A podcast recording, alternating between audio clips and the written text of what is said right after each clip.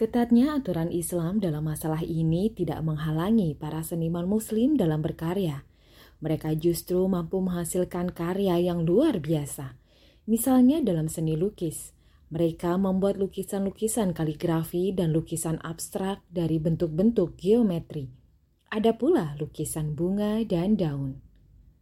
Selengkapnya, tetap di channel podcast Narasi Pos.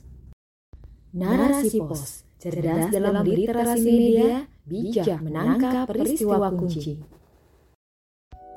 Assalamualaikum Sobat Podcast Narasi Pos Media, jumpa dengar bersama saya, Sofia Aryani dalam rubrik Syiar. Rubrik Syiar kali ini dengan judul Keindahan Seni dalam Peradaban Islam, karya Maria Zawawi. L'art for l'art, yang artinya seni untuk seni adalah slogan yang dipopulerkan oleh seniman Perancis, Théophile Gautier.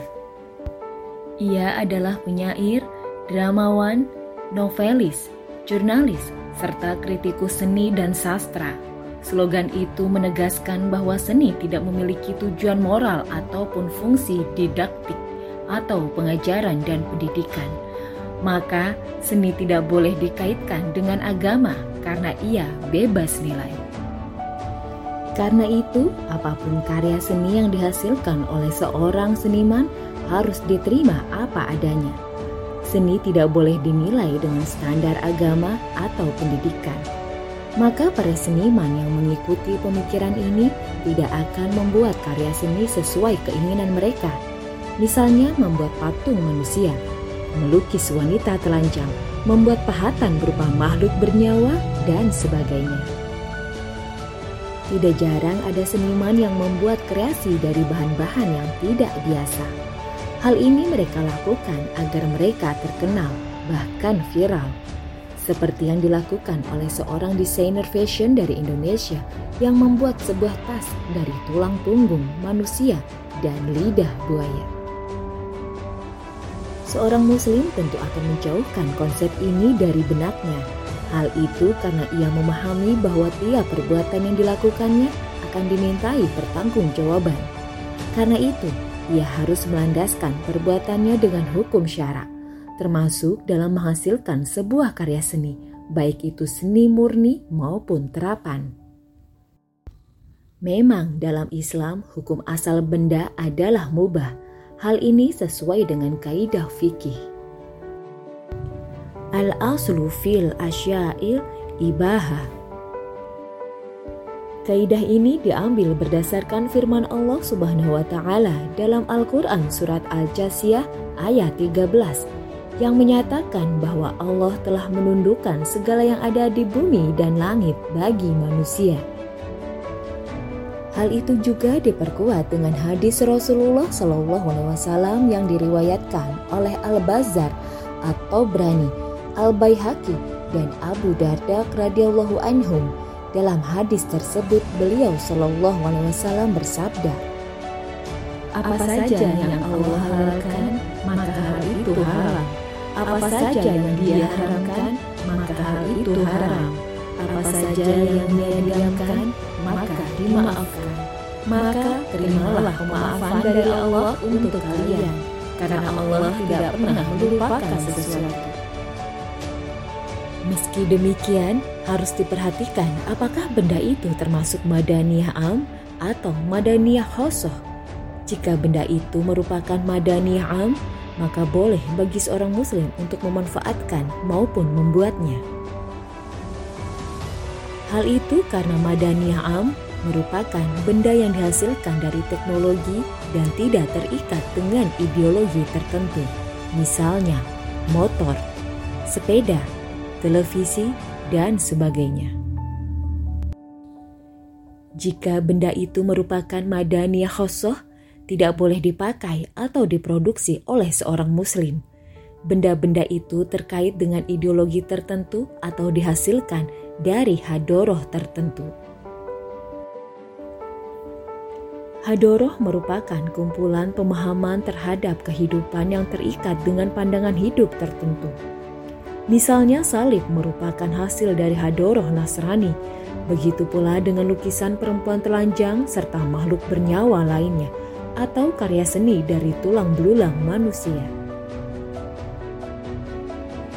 Semua itu merupakan madaniyah khosoh karena merupakan hasil dari hadoroh Horbiyah atau peradaban barat. Hadoroh barat menganut akidah sekuler yang memisahkan agama dari kehidupan. Karena itu tidak ada standar baik, buruk maupun halal haram. Yang ada hanyalah standar manfaat dan maslahat. Sedangkan dalam Islam membuat patung melukis atau menggambar makhluk hidup termasuk satu hal yang dilarang. Dalam sebuah hadis, riwayat Bukhari dan Muslim dikisahkan bahwa Rasulullah Shallallahu Alaihi Wasallam pernah memerintahkan kepada Aisyah radhiyallahu anha untuk merobek tirai yang ada gambar binatangnya. Saat itu Rasulullah Shallallahu Alaihi Wasallam menyatakan bahwa orang yang paling berat siksaannya pada hari kiamat adalah orang yang membuat sesuatu yang menyerupai ciptaan Allah Subhanahu wa taala. Maka Aisyah radhiyallahu anha pun menjadikan kain tirai itu menjadi dua buah bantal. Dalam hadis riwayat Bukhari dan Muslim yang lain, Abu Hurairah radhiyallahu anhu menyampaikan bahwa Rasulullah shallallahu alaihi wasallam pernah bersabda, Allah berfirman, siapakah yang lebih zolim daripada orang yang menciptakan seperti ciptaanku? Maka buatlah gambar biji, bibit, atau gandum. Demikian pula memanfaatkan organ tubuh manusia serta bagian dari binatang atau benda-benda yang diharamkan juga tidak diperbolehkan. Misalnya membuat tas, dompet, atau ikat pinggang dari tulang manusia, lidah buaya, kulit harimau, dan sebagainya. Hal itu sesuai dengan hadis yang diriwayatkan oleh Ad-Daruqutni dan Ibnu Hibban dari Ibnu Abbas Rasulullah Shallallahu Alaihi Wasallam bersabda, Inna Allah Ta'ala idha haroma syai'an haroma samana. Melalui hadis ini, beliau Shallallahu Alaihi Wasallam menyampaikan bahwa saat Allah Subhanahu Wa Taala mengharamkan sesuatu, maka Allah mengharamkan pula harganya. Diharamkannya harga sesuatu yang haram itu menunjukkan bahwa memanfaatkannya juga dilarang. Karena itu tidak boleh memanfaatkan binatang-binatang yang diharamkan untuk dikonsumsi seperti binatang buas, binatang yang berkuku tajam, dan sebagainya. Demikian pula haram memanfaatkan organ tubuh manusia, baik itu untuk dikonsumsi, dijadikan karya seni, bahan kosmetik, dan sebagainya. Namun hal ini dikecualikan saat kondisi darurat, yaitu ketika seseorang dalam keadaan antara hidup dan mati. Saat itulah ia boleh mengonsumsinya. Namun, jika kondisi darurat itu terlewati, barang-barang haram itu tidak boleh lagi dikonsumsi. Ketatnya aturan Islam dalam masalah ini tidak menghalangi para seniman Muslim dalam berkarya. Mereka justru mampu menghasilkan karya yang luar biasa. Misalnya dalam seni lukis, mereka membuat lukisan-lukisan kaligrafi dan lukisan abstrak dari bentuk-bentuk geometri. Ada pula lukisan bunga dan daun. Sedangkan dalam seni ukir atau pahat, banyak dihasilkan ukiran atau pahatan ayat Al-Quran, teks hadis, atau rangkuman syair.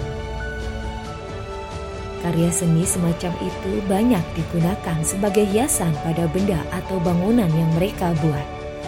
Misalnya sebagai hiasan pada sajadah, permadani, musaf Al-Quran, ilustrasi buku, masjid, dan istana. Berbagai hasil karya seni itu dapat kita saksikan hingga kini, seperti keindahan permadani dari Turki, istana Topkapi, Masjid Al-Hamra, dan sebagainya. Demikianlah keindahan karya seni yang dihasilkan dalam peradaban Islam. Keindahan yang diciptakan tanpa harus melanggar aturan-aturan dari Sang Pencipta. Wallahu a'lam bisawab.